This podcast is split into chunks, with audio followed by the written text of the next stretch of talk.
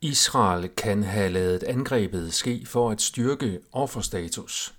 Velkommen til Brandgård Avisen nummer 249.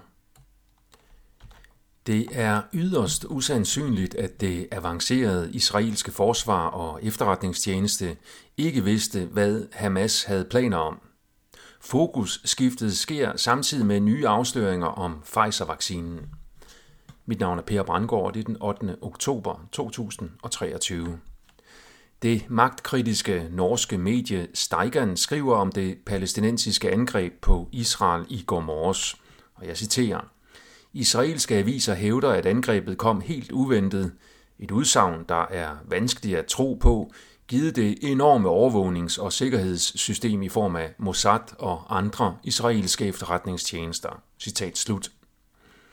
Den alternative forklaring er, at den israelske efterretningstjeneste vidste, at angrebet ville komme og lod det ske, så Israel internt og eksternt kunne fremme sin status som uskyldigt offer mod ond aggression.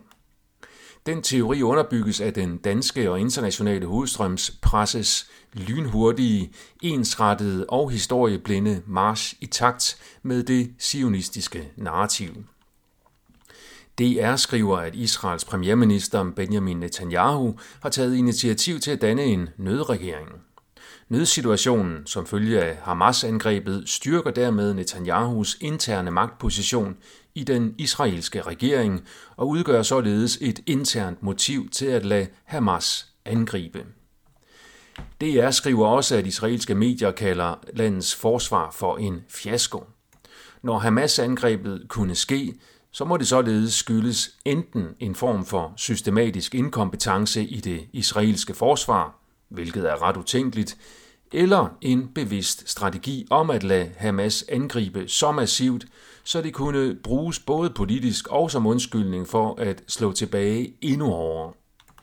Drabstallene viser da også, at Israel indtil videre har stået langt flere palæstinensere ihjel i gengældelsesangreb, end palæstinenserne har slået israelere ihjel i går. Steigern har også bragt en artikel om Pfizers to forskellige metoder til produktion af coronavacciner. Pfizer brugte en metode til at producere den første vaccinevariant, der blev brugt i de kliniske studier, der lå til grund for godkendelsen, og derefter en anden metode til at masseproducere vaccinen.